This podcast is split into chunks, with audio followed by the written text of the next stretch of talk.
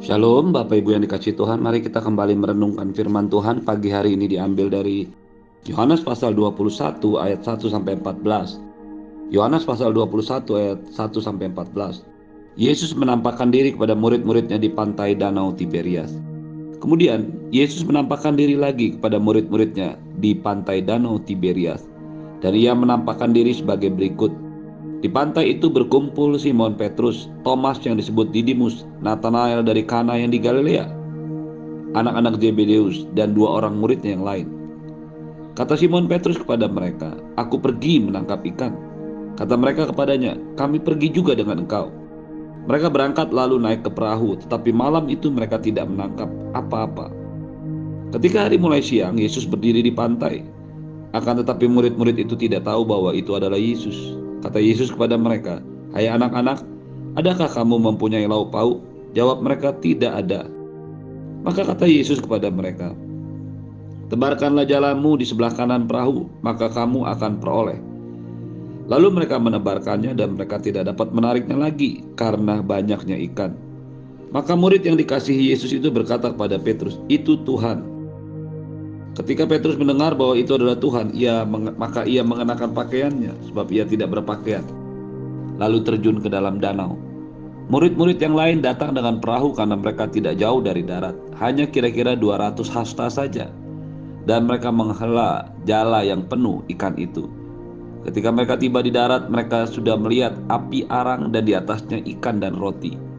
Maka kata Yesus kepada mereka, "Bawalah beberapa ikan yang baru kamu tangkap itu." Simon naik ke perahu lalu menghela jala itu ke darat, penuh ikan-ikan besar. 153 ekor banyaknya dan sungguh pun sebanyak itu jala itu tidak koyak. Maka kata Yesus kepada mereka, "Marilah dan sarapanlah."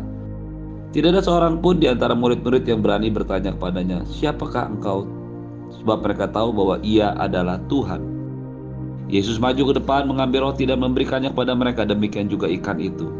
Itulah ketiga kalinya Yesus menampakkan diri kepada murid-muridnya sesudah ia bangkit dari antara orang mati. Bapak Ibu yang dikasih Tuhan, kita sudah belajar beberapa hari terakhir ini bagaimana Tuhan Yesus menyatakan diri, menyatakan kebangkitannya dari kematian. Dia menunjukkan itu berkali-kali kepada murid yang sama dan juga murid yang berbeda. Alkitab mencatat pada peristiwa yang kita baca barusan, yang kita dengarkan barusan, bahwa Yesus menampakkan diri kepada murid-muridnya di pantai Tiberias. Ada tujuh orang yang ada di situ, yaitu Simon Petrus, Thomas, Nathanael atau sering dikatakan Bartolomeus, anak-anak Jedebeus, Jebedeus, dan dua orang murid lainnya. Kita tidak tahu ke mana empat yang lainnya. Alkitab tidak menuliskan di mana mereka berada. Tetapi menarik untuk kita lihat apa yang terjadi, apa yang diperlihatkan oleh Tuhan Yesus. Kendati pun Murid-murid sudah melihat Yesus bangkit dari kematian. Tetapi ada sesuatu yang membuat mereka tidak mengenali Yesus. Murid-murid ada di Galilea bukan karena mereka melarikan diri atau kembali kepada pekerjaannya semula. Kita tahu di dalam Markus pasal 16 ayat 7 ada satu pesan dari malaikat yang menampakkan diri kepada Petrus dan Yohanes di kubur Yesus. Ketika mereka mencari Yesus yang ada di kubur yang kosong, Malaikat itu berkata, "Ia mendahului kamu ke Galilea." Itulah sebabnya mengapa Yohanes dan Petrus lalu mengajak teman-temannya yang lain pergi ke Galilea. Mungkin tidak semuanya ikut, mungkin saja semuanya ikut, tetapi pada saat itu yang sedang berada di pantai hanya tujuh orang. Ketika akhirnya Yesus menemukan mereka, menyuruh mereka ke Galilea, tetapi Yesus tidak tampak oleh mereka, maka Petrus mengambil inisiatif untuk kembali menjala ikan. Hal yang wajar karena mereka bagaimanapun beberapa dari mereka pastinya mempunyai keluarga dan mereka harus mencari nafkah. Itu sebabnya mereka menjala ikan kembali. Tidak ada yang salah dengan pekerjaan menjala ikan karena memang itulah profesi mereka. Ketika mereka menunggu Yesus, menunggu janji Tuhan, menunggu kegenapan apa yang dikatakan oleh malaikat tentang Yesus yang mendahului mereka ke Galilea. Maka ketika mereka tidak menemukan Yesus di Galilea adalah wajar dan bukan sebuah kemunduran rohani ketika murid-muridnya akhirnya mengambil inisiatif untuk bekerja. Ini adalah sebuah gambaran yang menarik tentang fakta dalam kehidupan kekristenan masa kini. Murid-murid bertahun-tahun ikut bersama dengan Yesus, dilatih, dimuridkan. Tetapi pada saat mereka diminta untuk datang ke Galilea menunggu Yesus dan Yesus belum ada, mereka mengambil inisiatif untuk bekerja. Mereka mengambil inisiatif untuk menangkap ikan dan tentu saja ini bukan sesuatu yang salah. Ketika mereka pergi menangkap ikan, malam itu mereka tidak menangkap apa-apa. Biasa mereka menangkap ikan pada waktu malam. Karena itulah tempat atau kesempatan ikan-ikan naik ke permukaan. Ketika mereka mencoba kembali menangkap ikan, ternyata mereka tidak mendapatkannya. Ketika hari mulai siang, Yesus berdiri di pantai Alkitab mencatat dengan jelas kira-kira 200 hasta. Satu hasta itu 0,44 meter, berarti sekitar 90 meter atau 85 meter. Kata Yesus kepada mereka, Hai anak-anak, adakah kamu mempunyai lauk pauk? Jawab mereka tidak. Maka kata Yesus kepada mereka, Tebarkanlah jalamu di sebelah kanan perahu, maka kamu akan peroleh. Lalu mereka menebarkannya lagi, dan mereka tidak dapat menariknya karena banyaknya ikan. Menarik untuk melihat apa yang Yesus kembali lakukan dengan murid-muridnya. Ingatlah kali pertama Yesus bersama-sama dengan murid-muridnya. Pertama kali dia menemukan mereka. Pertama kali ia memanggil mereka. Dia melakukan hal yang sama. Yesus menyuruh murid-muridnya yang semalaman gagal untuk mencari ikan dengan menebarkannya ke sebelah kanan perahu. Apakah arti sebelah kanan di tempat ini? Kita tahu filosofi hidup dari orang Yahudi, filsafat hidup, pola pemikiran mereka, itu mereka, mereka hanya mengenal dua nilai, kanan, kiri, atas, bawah, hitam, putih, depan, belakang, lebar, sempit. Ketika kita mendengar Yesus mengajar mereka tentang jalan yang lebar dan sempit, kita tahu bahwa itu adalah metodologi pemikiran orang Yahudi. Ketika kita melihat mereka memandang atas dan bawah, itulah pikiran orang Yahudi. Ketika mereka berbicara tentang besar dan kecil, itu dah metodologi Yahudi. Ketika Yesus menyuruh mereka tebarkanlah perahumu ke sebelah kanan. Hal ini menunjukkan bahwa sebelumnya mereka menebarkan jala itu di sebelah kiri perahu. Ketika Yesus mengatakan kepada mereka, "Tebarkanlah jalamu di sebelah kanan perahu," Yesus ingin menunjukkan sebuah metodologi pikiran orang Yahudi bahwa kamu sudah berusaha dengan caramu untuk mendapatkan ikan dengan menebarkan jalamu ke sebelah kiri. Tetapi aku memerintahkan kepada kamu untuk menebarkan jala di sebelah kanan. Itu adalah pola pikir metodologi daripada filsafat atau filosofi hidup orang Yahudi. Ketika Yesus mengatakan kepada mereka tebarkanlah jalamu di sebelah kanan perahu, Yesus ingin menunjukkan ini caraku. Sebelah kiri adalah caramu, sebelah kanan adalah caraku. Sesuatu yang berlawanan dan bertolak belakang. Itulah yang terjadi ketika Yesus menyuruh mereka menebarkan jalan di sebelah kanan.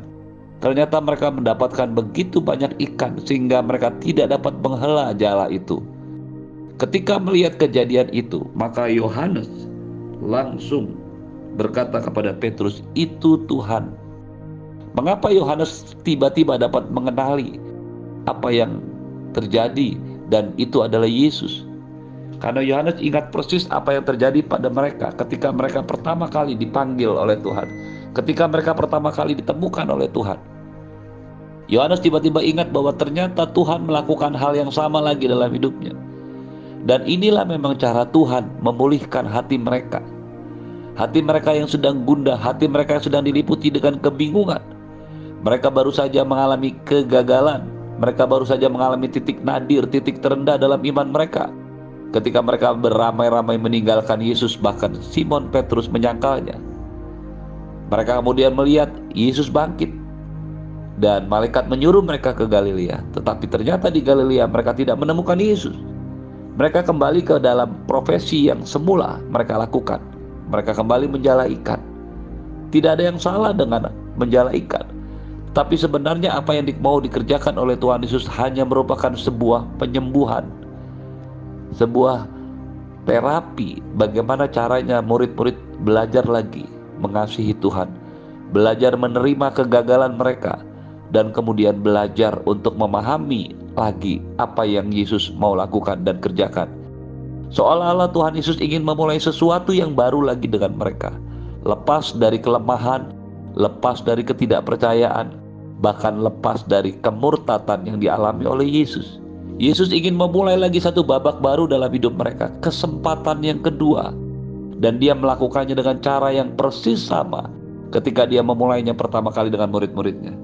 Dia menyuruh mereka menjala ikan ke bagian yang berlawanan dengan bagian sebelumnya mereka menjala ikan. Yohanes dengan begitu detail mencatat dan menuliskannya dalam kitab sehingga akhirnya pagi hari ini kita bisa membacanya. Hal yang sama juga sering terjadi dalam hidup kita. Tuhan mengulangi lagi apa yang semula Dia ingin kerjakan dengan kita, apa yang semula pernah dilakukan dengan kita, untuk mengetahui, untuk membuat kita tahu bahwa Dia mengasihi kita tanpa batas, dan Dia memberikan kesempatan bagi kita untuk bertobat kembali lagi kepada apa yang semula kita lakukan, apa yang semula Anda dan saya kerjakan, apa yang semula Anda dan saya lakukan, apa yang semula yang ada dalam hati Anda dan saya. Pagi hari ini firman Tuhan ini begitu menguatkan saya untuk terus berharap, terus datang kepada Tuhan. Terus mencari Tuhan dengan segenap hati karena inilah yang dilakukan oleh Tuhan Yesus.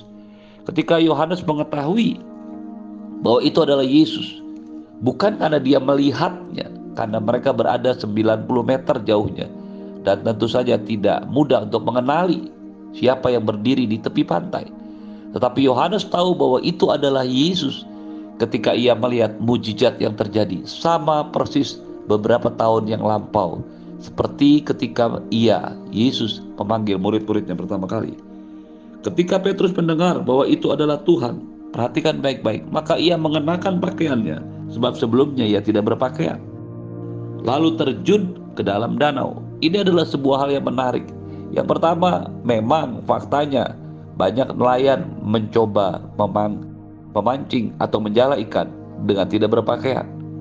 Tetapi ketika tahu itu adalah Yesus, ia segera berpakaian dan ia langsung terjun ke dalam air. Saya merenungkan lama ayat ini. Mengapa kalau Petrus mau terjun, dia harus berpakaian dulu? Bukankah lebih mudah baginya untuk berenang tanpa pakaian?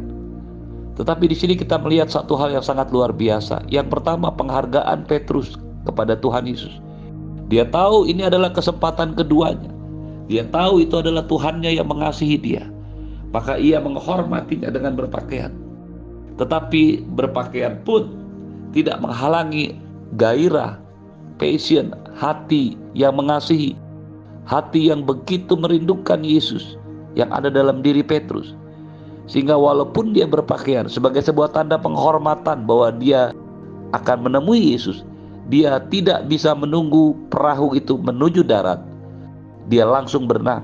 Kita tidak tahu berapa cepat Petrus berenang, tapi kita tahu pasti betapa besar kerinduan, gairah, kasih Petrus kepada Yesus. Bapak Ibu Saudara yang dikasih Tuhan, sering kali kita dalam saat beribadah ada banyak orang bertepuk dengan tangan dengan cara biasa, bahkan beberapa agak segan untuk bertepuk tangan, beberapa agak segan untuk mengangkat tangan, beberapa agak segan untuk berlutut, beberapa agak segan untuk menangis di hadapan Tuhan. Tapi pagi hari ini, gairah kita kepada Tuhan, kasih kita kepada Tuhan, kerinduan kita akan Tuhan, passion kita kepada Tuhan, selalu akan terbukti, selalu akan terlihat dengan sebuah tindakan nyata. Pada saat Anda dan saya membaca dan merenungkan firman Tuhan dengan begitu bergairah, maka kita akan merasakannya dengan penuh semangat. Ketika Anda dan saya melayani Tuhan dengan penuh sukacita dengan kasih, walaupun berat, walaupun banyak yang harus kita alami dalam hidup ini, dalam pelayanan ini, tapi kita melakukannya dengan setia. Ketika Anda dan saya mengikut Tuhan dengan penuh sukacita, merindukan saat-saat beribadah, merindukan kehadirannya, merindukan urapannya, maka ada sesuatu yang kita lihat. Murid-murid yang lain menghela pergi ke darat dengan perahu, tapi Petrus dengan berenang. Ini saja sudah menunjukkan Betapa luar biasanya Petrus di mata Tuhan. Ketika mereka tiba, ternyata Tuhan Yesus sudah siap dengan api unggun, api untuk membakar ikan dan roti. Yesus tidak perlu makanan, tidak perlu ikan yang dibawa mereka. Dia sanggup menyediakannya. Lalu dia mengajak mereka makan. Dia juga meminta Simon untuk mengambil ikan-ikan hasil tangkapan mereka. Simon pula yang berinisiatif menghela jala itu ke darat dan membawanya. Ada 153 ekor. Kita tidak tahu persis mengapa dapat detail diketahui 153 ekor. Ada banyak penafsiran tentang hal ini. Tetapi satu hal yang pasti, jumlahnya sangat banyak dan jumlahnya sangat lengkap. Itu sebabnya ketika Yesus datang dalam hidup Anda dan saya, Dia menyediakan segala sesuatunya dengan begitu detail. Kebutuhan Anda, kebutuhan untuk hidup, kebutuhan untuk makan, kebutuhan untuk pakaian, Dia mampu menyediakannya dengan lengkap. Pastikan Anda dan saya selalu fokus kepada Yesus. Hidup Anda dan saya selalu diliputi, dipenuhi dengan kerinduan, kecintaan, kehausan akan Tuhan. Terimalah berkat yang berlimpah dari Bapa di surga, cinta kasih dari Tuhan Yesus, penyertaan yang sempurna dari Roh Kudus menyertai hidupmu hari ini dan sampai selama-lamanya. Di dalam nama Yesus semua yang percaya katakan amin. Shalom.